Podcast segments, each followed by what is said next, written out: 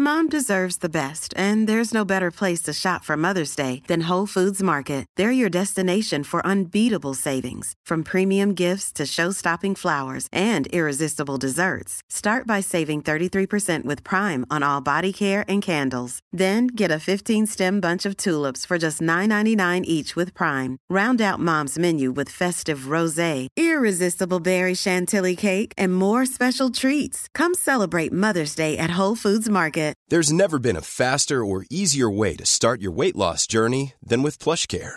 PlushCare accepts most insurance plans and gives you online access to board-certified physicians who can prescribe FDA-approved weight loss medications like Wigovi and Zepbound for those who qualify. Take charge of your health and speak with a board-certified physician about a weight loss plan that's right for you. Get started today at plushcare.com slash weight loss. That's plushcare.com slash weight loss. plushcare.com slash weight loss.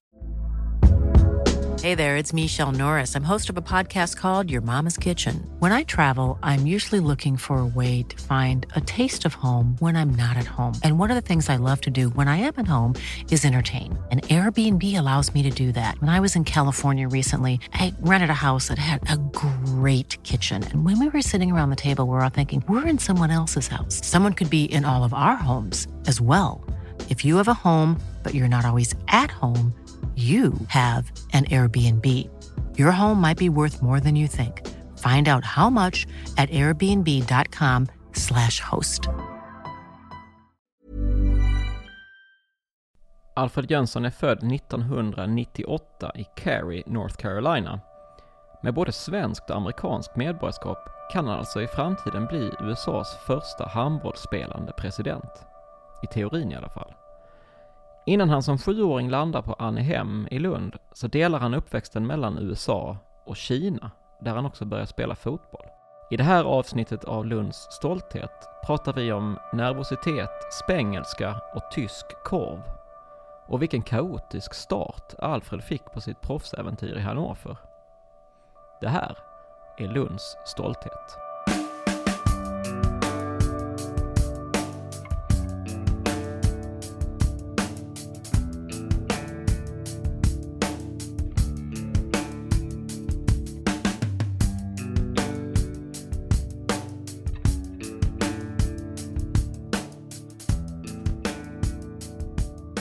Men först får vi kolla hur mycket kinesiska Alfred egentligen lärde sig i Peking. Jag kan ju hej och hej läget. Eh, typ någon, två frukter och den är väldigt dålig. Det var kanske lite mer fokus på engelskan där. Mm. Eh, Så din engelska är bra? den är väl helt okej. Alltså den är väl som många andra svenskar, vi har väl väldigt bra nivå på vår engelska. Eller Mm. det kan jag jämföra nu när jag har varit ute i, i Tyskland ett tag, att den är, den är tre snäpp bättre. Okej, den är bättre än tyskarnas. Det Ja, säger ingenting. Och, och många andra, alla Ja, okej. från eh, jugeländerna och, och, och, Spanien framför allt. Mhm. Eh, I Lund är du uppväxt på, På Anaheim, på Annehem. ja, på Norra Fälan där. Om man ska beskriva för någon som inte vet var Annehem ligger, eh, var, var, hur skulle du beskriva det då? Var det ligger eller hur det är. Nej, eh, vi kan börja med var det ligger. Nej men det är norra Lund, på väg ut mot Stångby. Men eh, du spelar lite fotboll i Kina då? Ja, jag, två år i Kina fotboll kanske, eh, varje söndag. Sen hemma lite mer, jag spelade i Torns IF eh, ett bra tag, sen gick jag över till Lunds Boys senare. Och det var väl det jag tyckte var roligast då. Jag var inte helt bra, men jag var väl helt okej på fotboll. Jag vet, jag var ganska stor och så spelade jag yttermittfältare och sen så kom någon tränare som kunde lite mer och bara, vad fan gör du på kanten? Eh, så tryckte han in mig som eh, vad kallar man det, offensiv mittfältare, nia typ. Mm. Eh, där jag var mycket större än alla andra, i och med att jag var ganska lång och, och i och med att jag spelade handboll också lite mer krallig. Eh, så jag förlorade inte dueller, men hade svårt att, att skjuta på mål. Okej, ja. Så, så halvoffensiv? Ja, säga. ja, ja, Ingen Daniel Andersson, men heller ingen Anders Christiansen. exakt så. Nej. Du spelar i Torns IF, ja det är ju Stångby. Eh, så du Mm. borde ju halvvägs där, dit. Ja, ja, men det var ju smidigt, det är bara en liten, en liten cykelväg. Men du cyklade dit? Ja, ja men det har jag alltid gjort. det är väl som alla andra lundensare att man hoppar på cykeln oavsett om det pissregnar eller om det är 30 grader.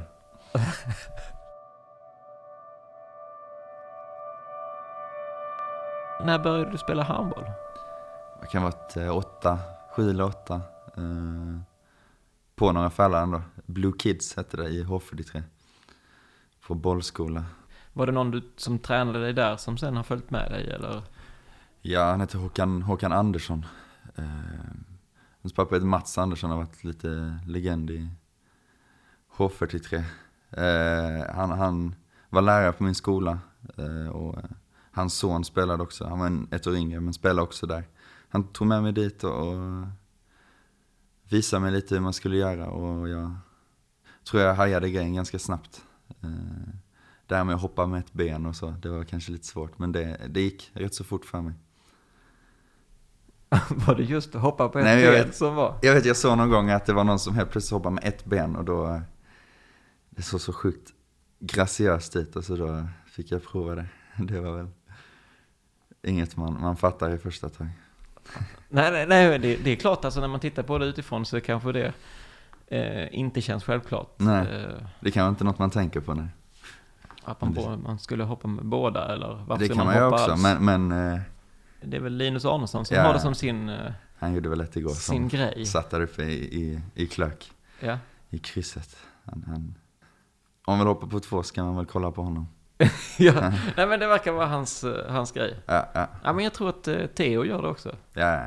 Eh, Han gör väl allt. Det känns som allt. Det händer och så går den 100, 200 km i timmen. Chris Ribain. Men Blue Kids, eh, men, men Håkan, är, Hå- är han din tränare sen också eller? Eh, han är en tränare lite då och då. Och sen eh, min mamma började träna oss då.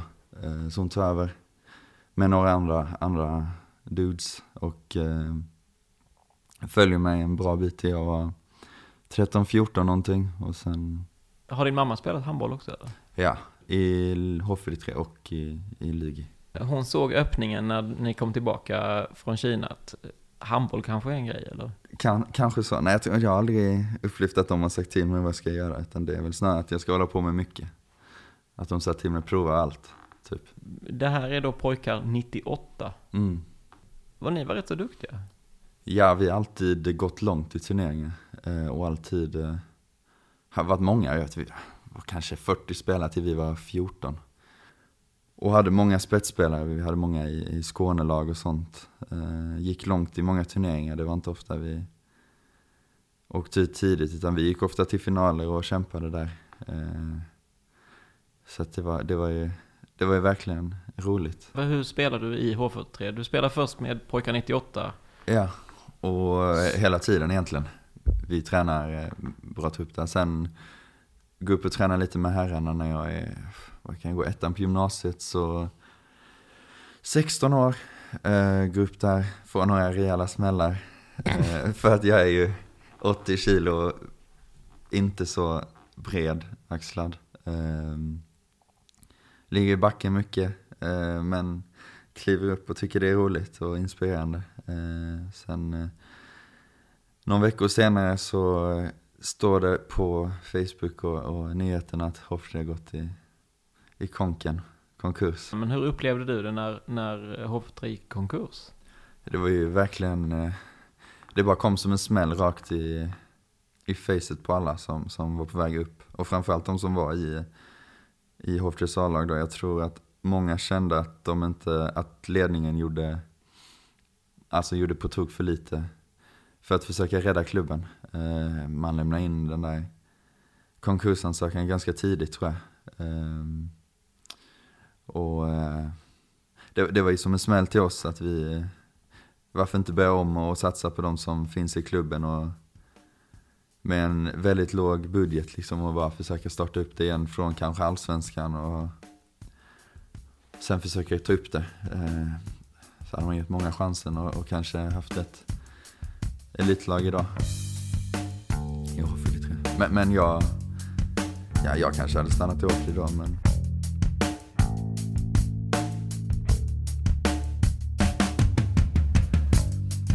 så blir det då att ja, antingen stanna där och träna med ett juniorlag eller vidga vyerna lite och, och då så var Thomas där, han skulle komma tillbaka som tränare och sa klart vi, att vi ska komma hit. Och eh, ångrar jag inte alls. Jag vet inte om han har kollat någon match, antagligen har han det.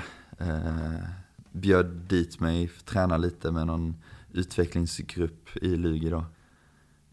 Så ville han nog eh, ha mig där i och med att jag var ung och hade väl någon kvalitet han såg som han ville jobba vidare på. Allt var ju mycket proffsigare i Lugi så det var väl bara... Vad var den stora skillnaden? Men jag vet, jag kom dit, det var lite mer... Spelarna var lite proffsigare, kläderna var proffsigare. Eh, materialaren, alltså Karina, världens bästa materialare. Eh, det låg grejer på min plats när jag kom liksom.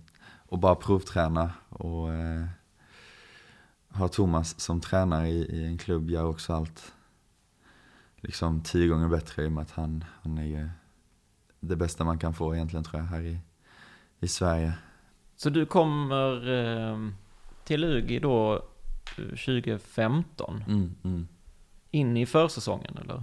Ja, så jag en hel försäsong där. Uh, vi spelade väldigt mycket direkt. Jag vet uh, Soran var skadad. Spelade mycket högernia, vilket kanske, ja, det är väl bättre än att inte spela alls. Uh, och hade direkt... det är synd att säga till alla högernior. Nej men jag menar högerhänt högernia, det är inte, det är inte där jag vill spela menar jag. Nej, jag förstår det. Sen finns det väldigt duktiga högerhänt högernia också. Men, men och spelade väldigt mycket, jag fick stort förtroende av, av, av Thomas. Jag var väl en väldigt stor, bara genombrottsspelare då. Eh, så jag får väl säga att jag är en annan spelare ni, än vad jag var då. Men vad är, vad är den stora skillnaden nu när du börjar liksom, nu tränar du med Lugis A-lag? Mm. Ja, men jag vet intensiteten, att vi tränade gym tillsammans, i alla fall tre gånger i veckan då. Eh, och sen handboll varje kväll. Eh, och allt det taktiska blev ju liksom steppades upp väldigt ordentligt. Att man, eh, det är vissa saker man absolut inte får göra och vissa saker man absolut ska göra hela tiden. Eh, och, och går man utanför ramen där så är det, då, är, då får man höra det. Ehm, så det är kanske det taktiska och att man måste tänka otroligt mycket mer när man kommer upp i ett A-lag där alla, alla kan handboll på ett annat sätt och alla ser handboll på, på liksom en hög nivå. Ehm, där man har en tränare som också Eh, checkar video och eh, har eh, spelat handboll ofta länge själv på, på väldigt hög nivå. Som också ger bra direktiv och kan också ryta ifrån på ett annat sätt. Det går kanske lite fortare, man, man det smäller absolut hårdare. Ehm, min första match vet jag, min tröja slets upp direkt och då fick jag det bekräftat direkt. Att det, det, det slits här, det är hårdare. Var, mm. vem var detta mot? Malmö, så det var en stor Petsikossa tror jag det var direkt, smäller till mig. Jag vet inte om man gör det med mening, men det är, det är hårt i alla fall. Upplevde du då att, vad, vad, vad har jag gett mig in på? Nej, alltså jag, jag har alltid varit, alltså om jag inte lyckas så ska jag bara, då får jag ju göra så att jag lyckas.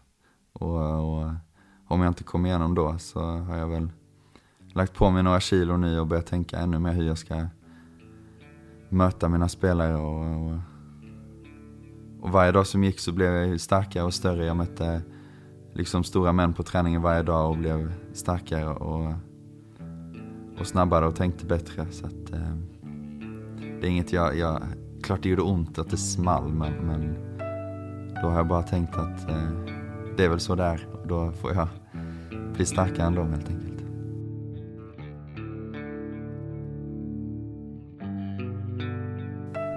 Men eh, din första säsong i Lugi, eh, det är ju rakt in i elitserien, eller mm. handbollsligan.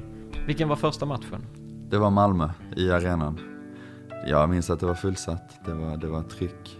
Eh, få starta på banan eh, som högernia. Eh, och det var ju kanske inte alls vad jag tänkte mig när jag, när jag gick till Lugi. Men, men eh, starta där, tröjan sönderryckt. Eh, jag får byta tröja. Och, och, eh, nej men det var coolt absolut. Det var ju var fett nervös. Alltså jag minns att jag, alltså allt nästan, eh, det blev nästan lite svart och man, hela ens liksom handbollskunnande hämnas hämmas lite för att man, man är så nervös och eh, lite rädd för att göra fel.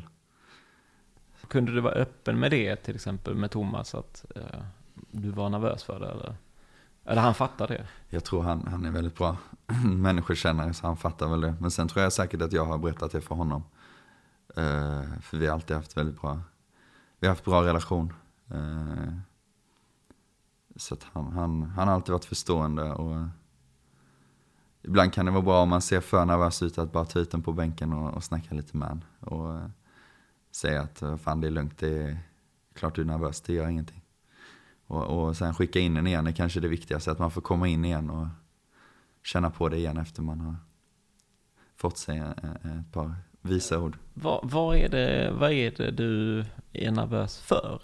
Jag, jag har alltid varit eh, så lite tillbakadragen och eh, alltid varit rädd för att kanske störa och göra fel. Och det är väl kanske det min, alltid har varit min eh, största nemesis, att jag alltid eh, har varit lite, alltså svårt för att ta för mig ordentligt och som eh, ung framförallt i ett nytt lag med väldigt spelare som jag liksom har kollat på tv och sen ska gå in och ta för mig där direkt. Det är ju, det, är ju, det har alltid varit det tuffaste momentet för mig att försöka tackla det.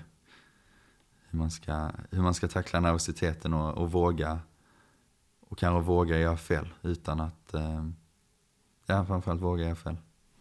Är det, då tänker jag ändå att, att det här är ett uh, rätt så schysst gäng du kommer in i. Ja, alltså det är framförallt så här i efterhand, då är man ofta i, i eh, mitt i det liksom och kanske har otroligt mycket respekt för liksom Jakob Wickman Modig och Hampus Gildenbäck och, och Anders Hallberg som är liksom auktoritära och starka, starka eh, Eh, individer liksom. Eh, som senare på, när jag blev lite, blivit lite äldre fattade de är bara sköna och ville bara mitt bästa. Eh, och liksom blev bra polare med sen. Och, eh, så att i efterhand så kan man alltid säga, vad fan, du kan ju bara ta för dig, det är ingen som bryr sig. De vill ju bara att du ska, de vill ju att du ska ta för dig, gör du fel så är det ju verkligen skitsamma. Hur var den upplevelsen att flytta liksom från eh, alla sätter sitt, eh, sitt hopp till mm. eh, Alfred till att nu sätter alla sitt hopp till någon annan. Ja, ja. Nej men det, ja under min uppväxt där, handbollsuppväxt så har det ofta varit att jag har varit ganska duktig och tagit för mig väldigt mycket. Eh, gjort ganska mycket mål och sen, sen gå upp och spela med spelare som är liksom kanske en, några snäpp, några nivåer ännu bättre än, än, vad, jag, än vad jag var. Eh, och eh, det, det, är alltid svårt, man har inte den, så fort man gör något litet fel så kan det vara någon där och, och hacka på en. Men man vet ofta själv att man, nu vet jag gjort fel, men då är ändå någon där och hackar. Men om man är, är duktig och liksom lite framträdande, gör man fel så, ah, nej, man vet ju att han, han, han kan bättre liksom. Um, det är mer förlåtande. Ja, verkligen. Mm. Man, man, ofta man kan bara se förbi det. Man tänker inte spåra om det är någon som är väldigt duktig som gör något fel och då kan man då ser man bara rakt igenom utan ens att lägga märke till det. Men om det är någon som inte har bevisat sig riktigt, då kan det vara lite mer, då är man där och försöker hjälpa till. Och sen är det säkert bara för att hjälpa till, men det är, men det, är ofta, det kan liksom vara lite störigt att man blir lite mer tillsagd om man inte har bevisat sig riktigt. Men första säsongen, hur, hur känns den? Hur går det? Uh, den går väl bättre i början än i slutet. Uh, får spela lite mindre och mindre. Förståeligt Soran kommer tillbaks. Eh, vi har Andres, Andreas Arman och Simon Jeppsson som båda presterar på nio meter. Och... Men hur, hur mycket lär du dig av, av dem, tänker jag? Eh, alltså, svårt i och med att... Eh, jag tänker Simon, Simon, Simon, är tre år äldre än du. Tre år äldre än jag och eh, den pondusen han hade när han spelade, kanske framförallt den sista säsongen, att han eh, Fortsatte alltid skjuta även om han missade. Eh, hade liksom utnyttjat all tid, eh, kollade väldigt mycket på målvakter tror jag innan matcher och, och och sköt alltid där målvakten inte var. Och, och det tror jag väl med mig framförallt. Eh, och att det går att skjuta från 10 eh, meter och göra mål. Sen kanske han är extremt bra på det. Men, men sen då när jag spelade med Simon så var han ju alltid, han var ju the one i laget. Han var ju verkligen outstanding i hela ligan. Ehm, och då är det någonstans, då får man bara acceptera att han kommer att spela. Han är verkligen bäst. Och, och, eh, och då får jag, då tränar jag ny hårt och eh, får spela kanske mitt nya mycket. Eh, som jag också vill göra absolut. Ehm, och backa upp Simon lite mer. Eh, för att han, han har 60% från, från 9 meter. Och det är väl bästa för laget just då. Sen så går han till, till Flensburg efter det. När han har gjort typ 250 mål på en säsong. Vilket är helt galet. Jo, nej, det var väl eh, eh, det var väl ganska tydligt att han inte skulle spela kvar i, ja, ja. i Lugi. Ja, verkligen. Eh, efter det. Mm, mm.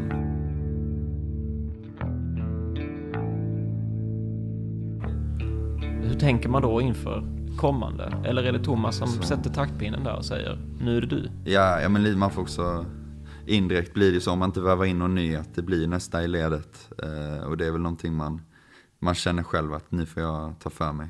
Sen fick jag också otroligt mycket speltid efter han hade gått. Alltså jag spelar ju hela matcher under eh, direkt efter han hade gått hela tiden. Um, och det var väl det jag lärde mig mest av. Även om jag gjorde misstag och inte var kanske stekhet varje match så fick jag ändå spela och, och det tackar jag otroligt för för eh, att jag skulle kunna ta mina vidare kliv.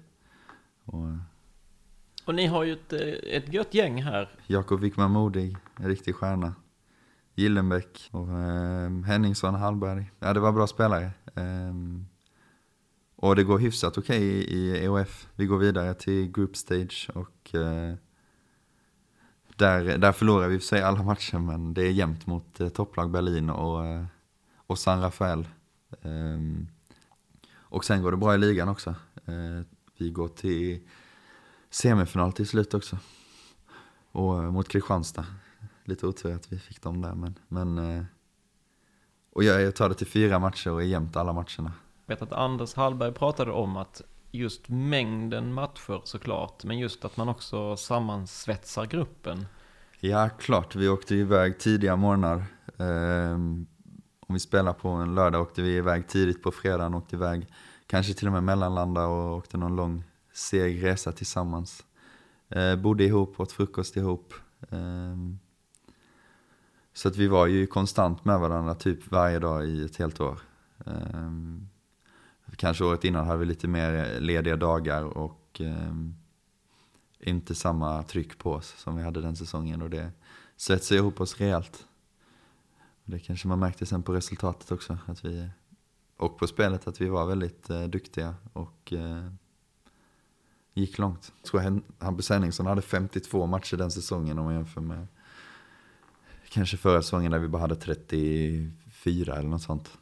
Um, så det var ju, det var ju kanske framförallt mängden matcher att vi Ja och sen om det går bra någon match så är det där man får självförtroendet att gå vidare. Det är svårt att få riktigt bra självförtroende från träningar, utan det kommer ofta från matcherna.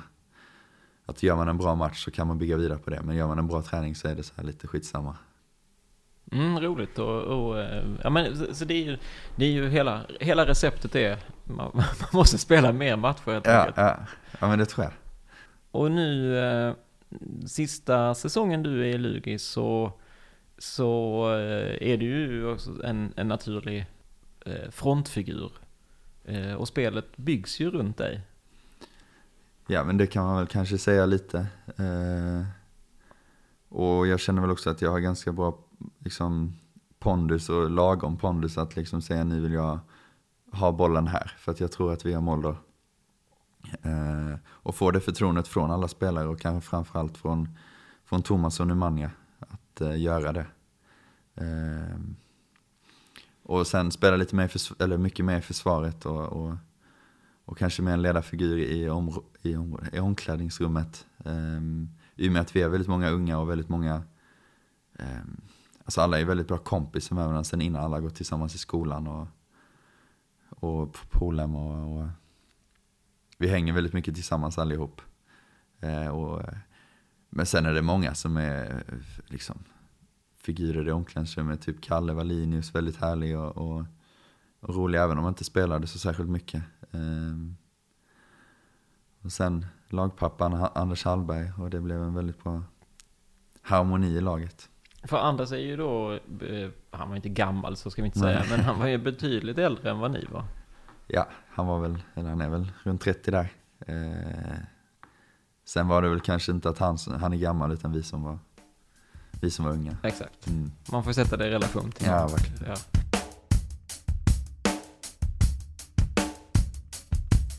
Någonstans här så började du eh, formulera en idé om att eh, ta ett steg vidare eller för du blir ja. vald till Årets Talang 2017. Ja, Inte TV4-programmet utan eh, där jag tänker på det här David Batra-programmet där man ja. trollar kaniner ur hatten och sånt. Det har varit kul att bli det faktiskt.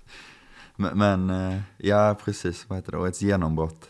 Eh, 17-18, så att det är klart. Eh, man kan bygga vidare på det lite. Eh, det var kul. Är det folk som rycker i det då? Men då hade jag ett år kvar på mitt eh, avtal där i början så då var det bara att avfärda det. Eh, sen så när det började bli liksom vinter och, och började bli 2019 så det är då väl de riktigt konkreta förslagen kommer. Och det är då man börjar, det är då jag är tvungen att, ta ett beslut om jag vill stanna här eller om jag vill flyga iväg. Och vad, eh, vad hade du för alternativ?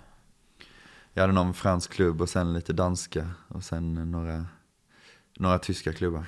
Ehm, men i, i slutändan så var det väl om jag skulle gå till Hannover eller stanna här, här i Lund.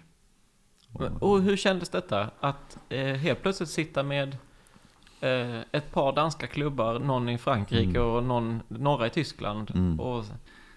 Eh, alltså jag, jag såg det bara som väldigt, väldigt jobbigt att ta det där beslutet för att jag hade så stora känslor till Ligi då och kan framförallt eh, de, de i laget. Um, och sen så trivdes jag väldigt, jag fick spela mitt eget spel och jag eh, älskar att gå till träningarna. Och så att det var, väldigt, det var väl mest jobbigt och inte så kul. Och någonstans kommer man till en punkt där man, ja, ska jag bli bland bättre så måste jag åka iväg och, och testa vingarna eh, någon gång. Och, ehm, jag kände väl att jag var redo för det. Och varför just Hannover? Jag, eh, de hade inte gått så bra den säsongen. Um, hade hoppats på mittnian skulle lämna, vilket var lite, lite snack om att han skulle. Mårten Olsen, som är liksom en, en toppspelare i världen. Um, han var ju startspelare i VM-finalen. Exakt, precis då. Um, hoppas att han, eller kan inte hoppas, men det hade väl varit, då hade jag fått mer speltid och sen uh, stannade han. Eh, men då hade jag redan valt att gå dit. Eh, trodde det var liksom en, en mittenklubb eh, där jag skulle få eh, stora möjligheter att spela. Eh, sen eh, kanske det blev lite annorlunda. Men... Ja, nu är ju inte Hannover en mittklubb. Nej, nej vi eh, börjar ta vinst efter vinst och ligger etta väldigt länge. Tills Kiel då eh, och kliver om oss och har varit om oss nu ett tag.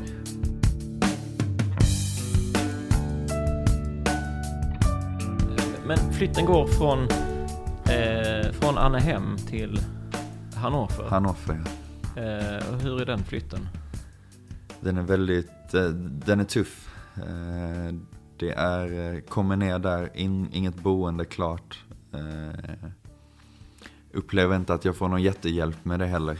Eh, utan får rodda i det väldigt mycket själv och bor eh, på hotell som jag också får eh, rodda i själv. Ett bra tag tills jag hittar en, en lägenhet. Och det dröjer kanske en månad innan jag får liksom ett hem och någonstans där jag kan ha liksom en safe zone. Så du kommer ner till Hannover, hur är din tyska förresten? Nu, är den, nu tycker jag den är bra. Nu, nu, nu är mig förstådd. Men då, då kunde jag ingenting nästan. Du hade läst tyska på gymnasiet tänker ja, jag. Så jag, alltså, jag ville inbilla mig att jag förstod vad folk sa men det är jag verkligen inte. Det är jag inte ens nu. Så att, Nej, jag vet inte om de trodde att jag hade fixat det eller hur det låg till där, men det var inget redo när jag kom ner och eh, många hade semester när jag kom ner också i föreningen, så det blev inget riktigt tryck på, på det och lösa det problemet, tyvärr. Det var lite halvkaotiskt. Ja, det kan man, det kan man lugnt säga att det var. Det är inte, det är inte helt kul att åka runt och åka i en bil och byta hotell lite hit och dit. Eh, samtidigt som man ska vara på träning två gånger om dagen. Och, och så samtidigt då eh, en helt annan träningsintensitet.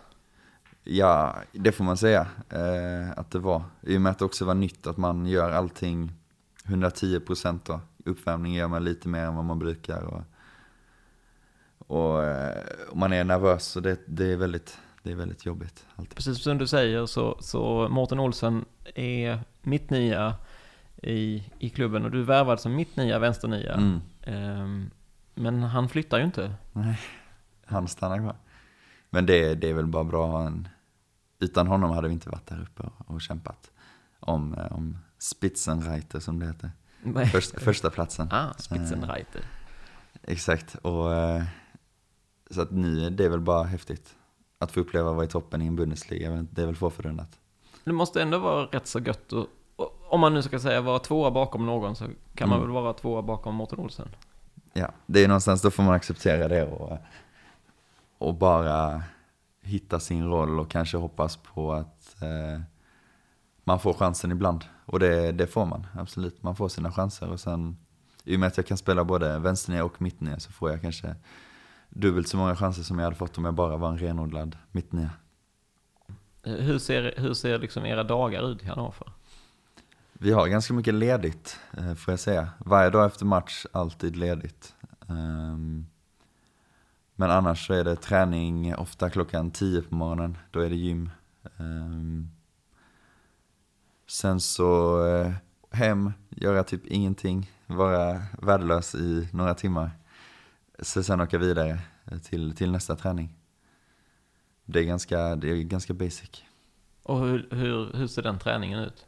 Först är det ju gym och sen är det handboll där det är det, det är en kille som håller uppvärmning, springer runt koner och lite sånt och sen kommer eh, eh, huvudtränaren in och, och bestämmer lite. Det är ofta vi står på en sida och nöter eh, våra anfallsspel eller våra, hur vi ska försvara.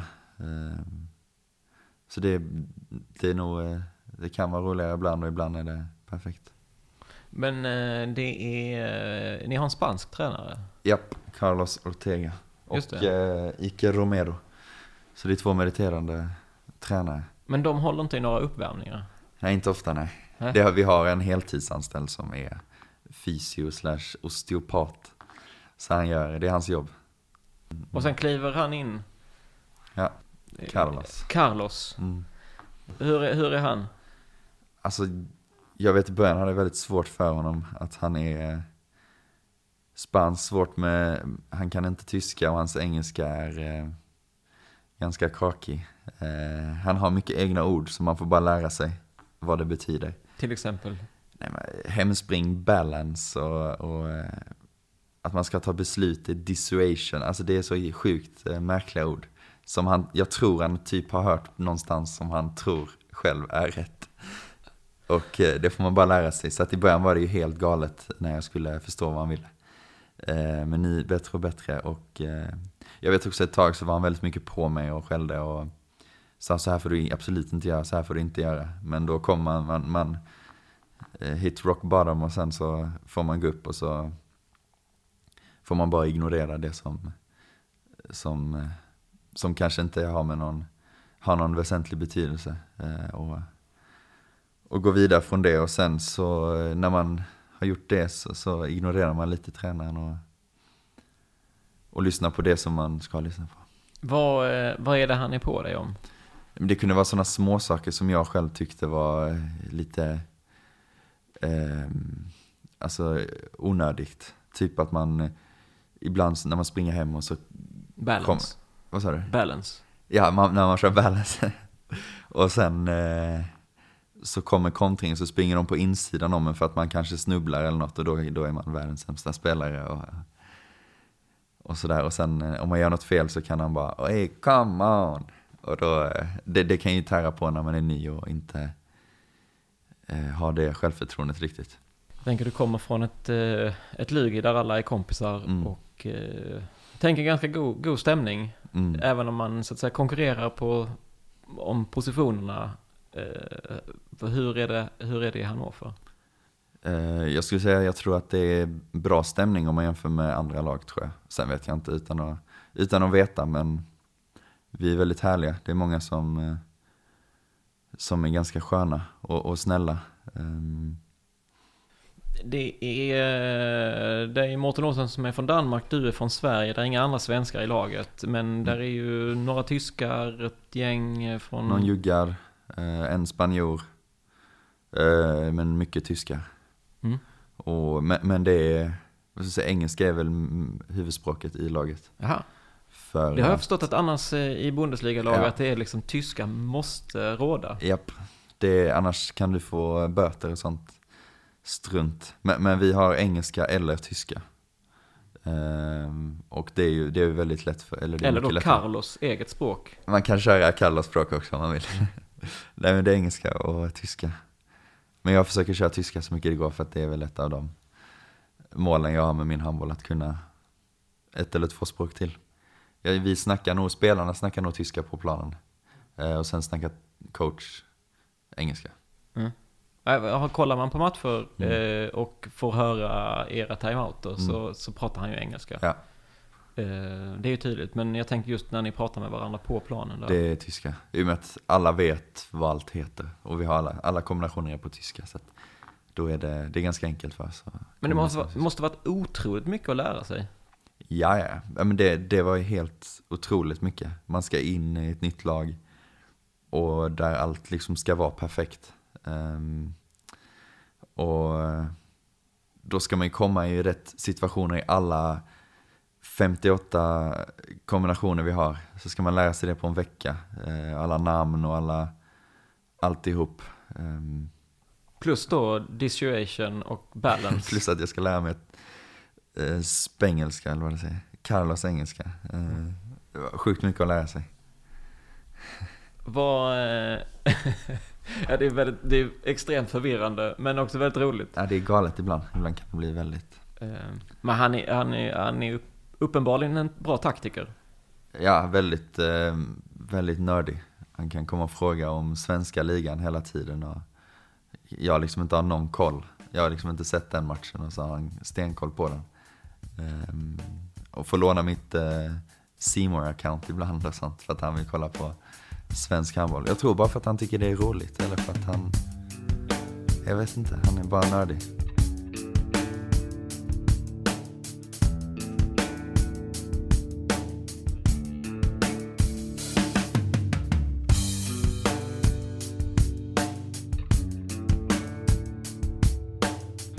Det är tuffare än här. Eh, det är mer på planen att eh, man skriker igång och slår varandra innan. I bröstet stenhårt. Och det är ju en stor skillnad som jag kanske inte alltid, alltid uppskattar. Det är mer liksom testosteron. Ja, sen tror jag inte att de är det egentligen utan de har bara lärt sig det. Att det är så de ska göra. Och då vill alla göra det. Men alla är väldigt olika där. Man kan, det är väldigt många som bara är i sin egen bubbla och, och försöker komma igång på sitt eget sätt. Medan vissa är väldigt eh, utåt och slår och skriker och taggar igång alla. Eh,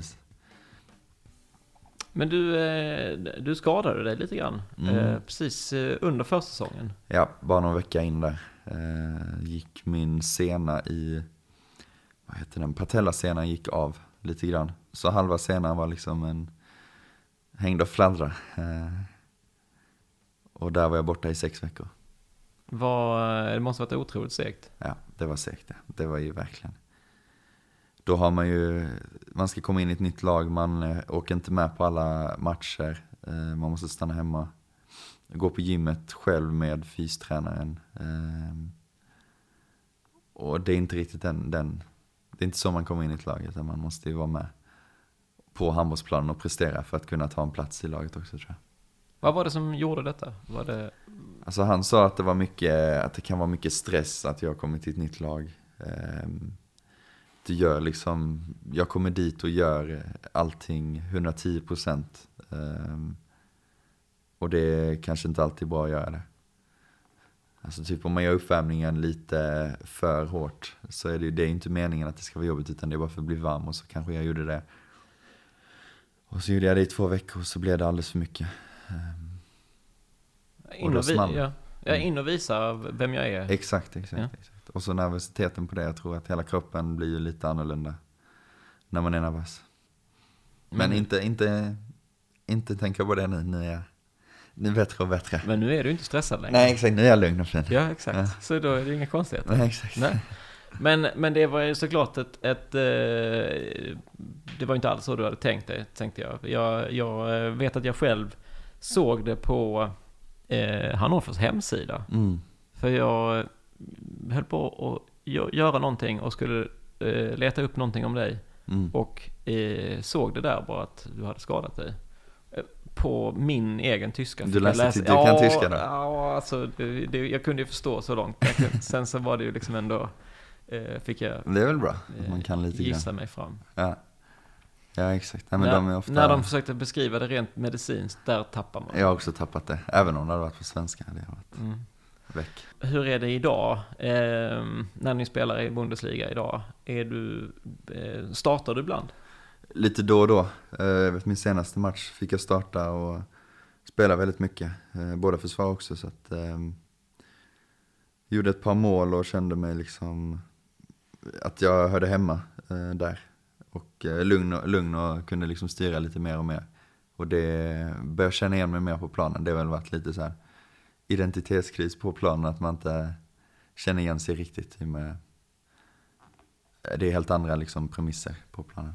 Spelar du, startar du på mitt eller vänster? Vänsternia då. Mm. Ehm, och sen med mittnia i slutet. Vi vann ganska enkelt så att jag, eller enkelt, vi vann ganska stort så att ehm, jag fick väldigt mycket, eller jag kunde spela på båda positionerna.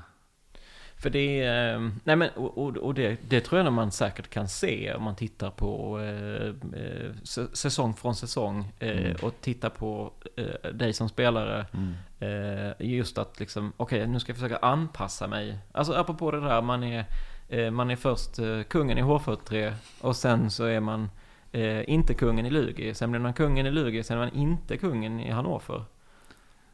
Ja, det, det är klart man ska anpassa sig. Jag vet det tog kanske tre år innan jag blev verkligen mig själv i, i omklädningsrummet. Och, och det var ju, kanske för att jag var ung då, men det var, det tar liksom väldigt lång tid att få eh, sin plats på riktigt.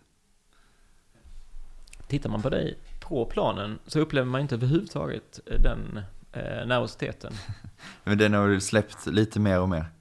Eh, eller sista säsongen så var det väl inte jättemycket nervositet överhuvudtaget.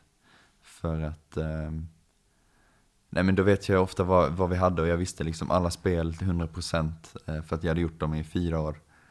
Eh, och eh, hade spelat med Hallberg, jag kunde prata med Thomas väldigt fritt. Ehm, så att det var, det var, allting släppte lite där.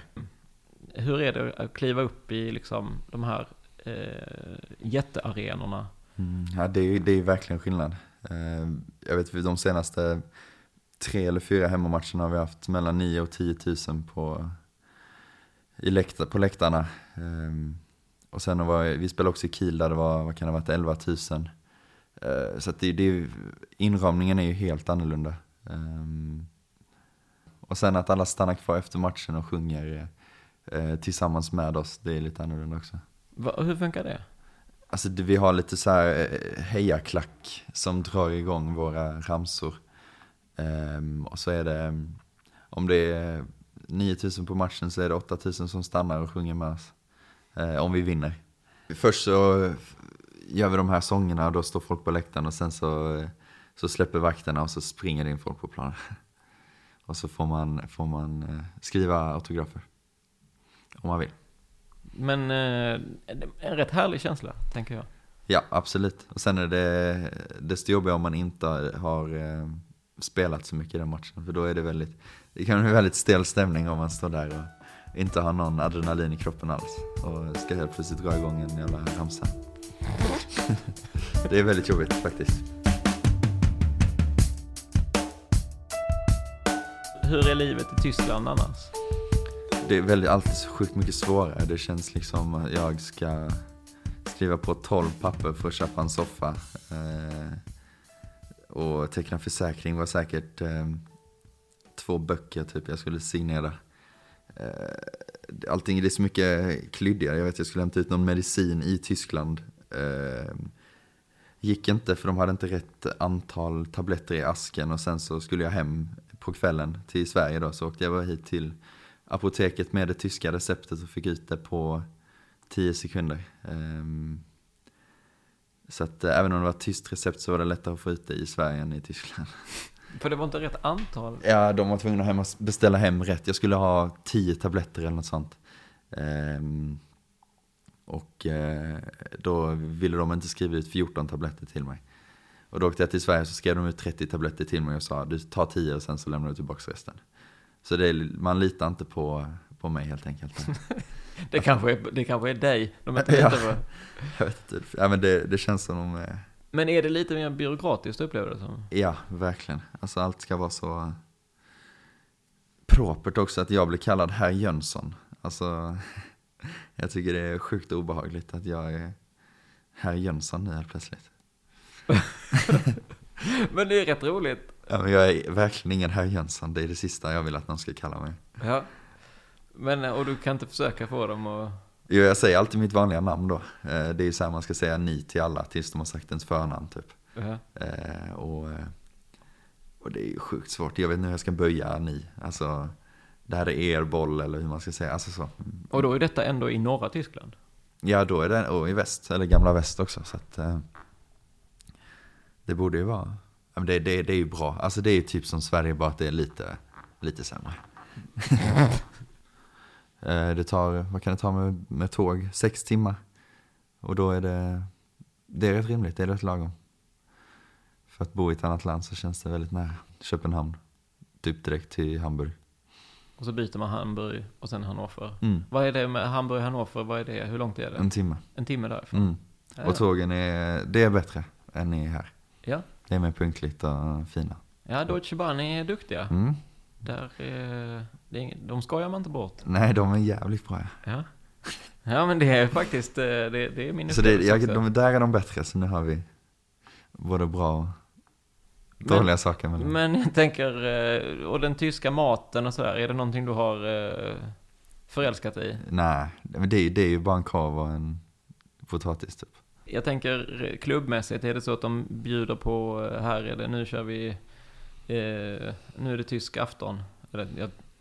alla, alla aftnar blir ju tyska, men, men jag tänker... Ja, ibland. Alltså vi har eh, lite mer eh, kvällar tillsammans. I och med att det är kanske lite mer sponsorer inblandade eh, som bjuder oss på events. Och, och, då är det ofta någon, då är alltid korv. Alltså alltid korv. Eh, som vit korv. Wurst, bratwurst alltid något bröd. Alltså det är alltid, eh, och alltid majonnäs med ketchup. Alltid. Och senap. Mm, det också ja. Mm. Senf. Ska Exakt, ja. du kan ju. jo, jag kommer klara mig ja. eh, när, när jag kommer dit. Du kan ju ändå köpa det du vill och laga det du vill själv. Och typ, ish. Alltså, bearnaisesås är svårt att få tag på. Uh, Bearnaisesås? Bearnaisesås. Är det sant? Det är svårt som tusan. Alltså sån Lomander, sån god. Ja, aha okej, okay. ja. Bara så. Ehm. Så du, du bulkar upp det hemma? Ja, det köper jag. Lösgodis inte heller, det finns inte. Kan ni kajka runt rätt mycket i buss?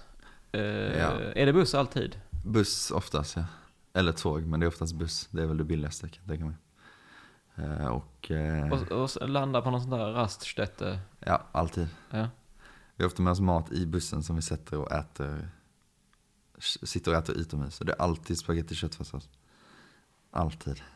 Ingen, ingen, ingen kostcirkel där. Det finns ingen variation? Nej. Nej. Nej, verkligen inte. Och sen... Eh, som är varm, kall? Den är varm, den är varm. Det är bra, det är bra. Mm. Uh, har de den på, i motorrummet eller vad? Hur? Ingen aning. Nej, Den, inte den veta. flyger fram när vi ska äta. Men det är ju ett spännande äventyr. Du har varit i Hannover nu i mellan juli och nu är det januari. Ja. Så det, det är inte så länge som du har varit Nej. där än. Så det är det är inte ens en, en säsong. Verkligen inte det. Eh, och målet där är ju såklart att nu är det ju att ni ska vinna ligan tänker jag. Målet är väl, eh, vi ska spela den här tyska kuppen också som också är väldigt stor där nere. Mm. Eh, Final Four. Så vi ska spela semifinal mot Melsungen. Mm. Och det är väl eh, det första målet vi har tror jag. Mm. Eh, och gå till final i alla fall. Och det är ju inte osannolikt att ni skulle kunna slå Melsungen.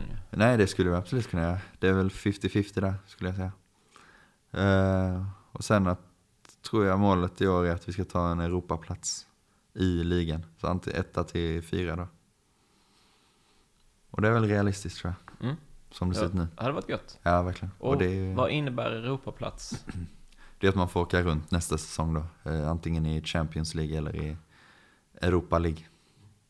Och då är det ju ännu mer chans för, för, för mig att få spela ännu mer. Kul. Ja, det är det. Det är väl det jag vill.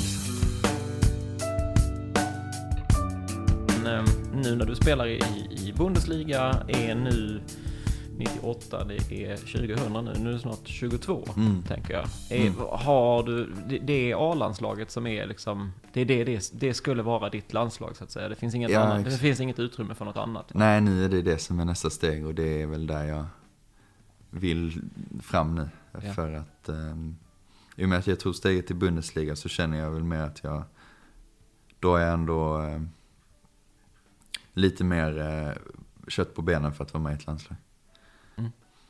Men eh, har du gjort någon A-landskamp än? Eller? Nej, men jag har ingen sån. Eller det om man räknar eh, de här ligalandslagen som A-landskamp. Jag Ja, just det. Nej, men ja, det gör man väl inte riktigt? Nej, jag tror inte heller än. det. Eller det, det är inte jag i alla fall. Nej, Nej men jag, jag bara tänker liksom lite grann hur man hur du resonerar runt detta för att eh, då har du ju spelat en massa olika Mm. då U och J och vad det nu heter Mm. eh, landskamper och mästerskap. Eh, alltså hur hur resonerar du? Det är, bara, det är bara att köra på och så tänker man att ja men eh, en dag så kanske det är jag. Eh, ja, men lite så. Jag har alltid tänkt, eh, eller jag har alltid tyckt liksom klubblag alltid har varit roligare än att åka iväg på de samlingarna. För att där känner man sig hemma på ett annat sätt och, och slipper liksom lära sig nya spel. Så att jag har alltid liksom, alltid haft fokus där och sen när jag kan få chansen med A-landslaget så blir det en annan femma. För då är det verkligen, eh, då är man liksom topp. Och, och ett hemma-EM nu hade ju varit egentligen eh, sjukt häftigt. Men eh, hade man fått vara lite bättre helt enkelt. jo, nej, jo, men såklart det är det ju det. Ja. Men, men eh, vilken, vilken position är det du konkurrerar på? Jag tror att, eh, eller jag själv vill väl spela båda. Och det är väl lite då att man spelar lite mittnia och lite vänsternia. Men eh, sen vet jag inte hur, hur förbundskaptenerna ser mig. Men jag tror jag har varit eh, rätt tydlig med att säga att jag spelar gärna båda. sker då ett förbundskaptensbyte efter det här EM. Ja, exakt, exakt. Han tar över. Glenn Solberg tar över direkt där. Mm. Och han har, jag har träffat honom några gånger. Han har varit ner och kollat någon match och, och så. Hoppas han tycker om mig. Jo, men det, det gör han säkert. Ja. Eh, finns det något eh, sådär eh, övergripande mål med din handboll? Alltså såhär, ja, men jag skulle gärna vilja spela i, nu är du ju i Bundesliga, det är ju mångas stora dröm och det kan säkert Ja. varit din också kanske, men Eh, Jag har nog alltid haft mål att spela i Bundesliga ett tag i alla fall. Eh, Och sen när man har varit där, varit där när jag, nu när jag är här så kanske målet är att jag ska spela mycket att bli eh, en, liksom en riktig, riktig stjärnspelare i Bundesliga. Eh, och de stegen kan, det krävs mycket arbete och eh, mycket tid tror jag. Och sen efter det ehm, hade det absolut varit coolt att spela i någon av de riktigt feta klubbarna som Paris eller Barcelona. Hade ju varit. Sen så är det ju också väldigt smalt att gå dit. Alltså det är ju väldigt eh, få som får den chansen. mm. Och då ska man vara väldigt, väldigt bra. Och det får man, får man försöka, försöka bli helt enkelt. Mm. Men det krävs. Ja, vi har ju en annan Lundabo som spelar i PSG idag ju. Klart. Ja. Kim Ekdahl ja. ja. Han har gjort eh, sin resa ja. Vad, eh, har du någon kontakt med honom?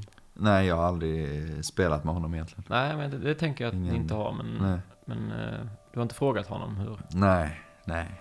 Jag tror vi har lite olika livsstilar. Ja, Eh, Men eh, ja det tror jag också. han har ju lyckats så det kanske är, ska, slå, ska slås en signal. Mm. Men, eh, nej, Ja, men han har ju tränat hårt. Det, det är inte tu tal om det. Nej, det, det har nog alla de som, eller det har definitivt alla som är där uppe i toppen. Mm. Och gör man bara referenser med honom så ser man ju också att eh, där har, var han ju en stjärnspelare i Bundesliga. Ja, ja. Eh, och väl, ja, det var han. Och i franska ligan innan dess också tror jag. I, Mm. vad nu var, Nantes. Och lärt sig två nya språk tror jag. Det var väl något han tryckte på när han kom tillbaks, liksom att han ville fortsätta lära sig språket och, och allt det där. Det måste också betyda att han inte lärde sig någon franska när han var i Nantes.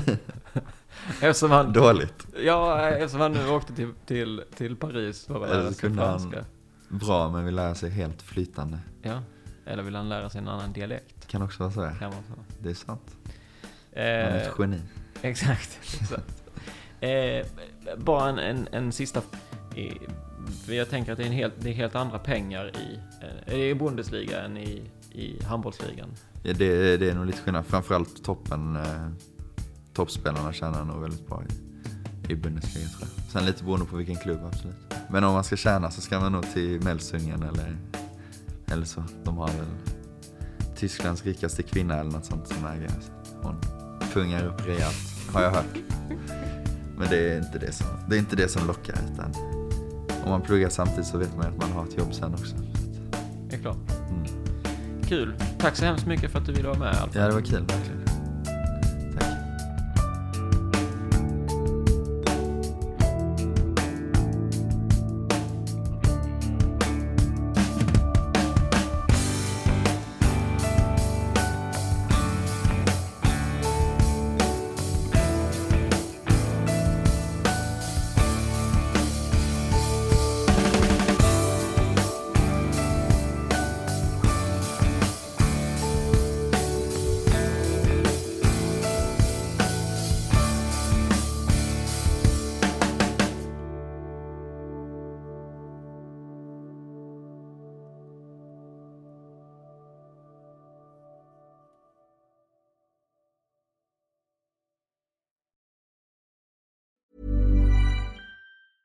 Mom deserves the best, and there's no better place to shop for Mother's Day than Whole Foods Market. They're your destination for unbeatable savings, from premium gifts to show-stopping flowers and irresistible desserts. Start by saving 33% with Prime on all body care and candles. Then get a 15-stem bunch of tulips for just $9.99 each with Prime. Round out Mom's menu with festive rosé, irresistible berry chantilly cake, and more special treats. Come celebrate Mother's Day at Whole Foods Market. A lot can happen in the next three years. Like a chatbot may be your new best friend.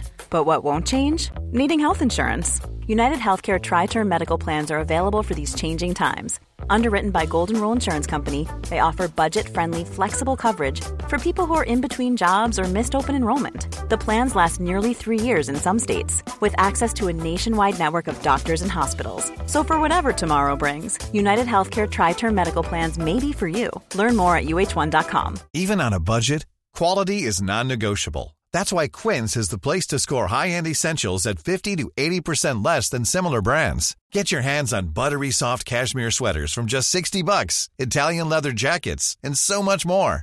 And the best part about Quince, they exclusively partner with factories committed to safe, ethical, and responsible manufacturing. Elevate your style without the elevated price tag with Quince. Go to quince.com slash upgrade for free shipping and 365-day returns.